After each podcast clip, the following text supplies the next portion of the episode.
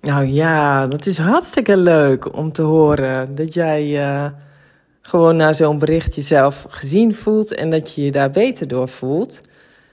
Want ja, weet je, het is natuurlijk gewoon helemaal niet leuk als je een beetje zo uh, in zo'n zo'n zo'n zo'n ja, soort van dip zit of zo.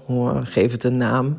Maar dat je je gewoon niet zo, uh, niet zo top voelt, weet je wel. En dat er dan zoiets, zo'n zo'n nachtelijke missionarische zendingswerk, dat dat echt dit met jou doet.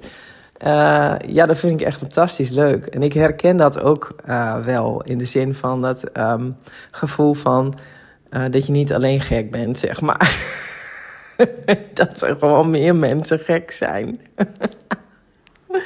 nee, zonder gekheid. Ik vind, ik vind het echt heel mooi. Ik denk dat het, um, ja, dat juist die puurheid ook, ja, dat dat echt gewoon lekker mag zijn. En dat het spreken van dat wat er in je hoofd rondgaat en uh, ja, waar je tegenaan loopt of wat gewoon eventjes ergens op een plek zit wat eruit moet, maar wat, um, wat soms gewoon niet kan en, en, deze, en op deze manier wel, uh, dan krijgt het ruimte. En dan is het mooi dat andere mensen dat dus ook zo ervaren en dat jij dit nu ook aan de lijve zelf hebt ervaren, dat dat dus gewoon helend, soort van helend of zo kan zijn. Hè? Dat je naar iemand anders luistert en, en jezelf daarin gezien voelt, terwijl het het verhaal van de ander is.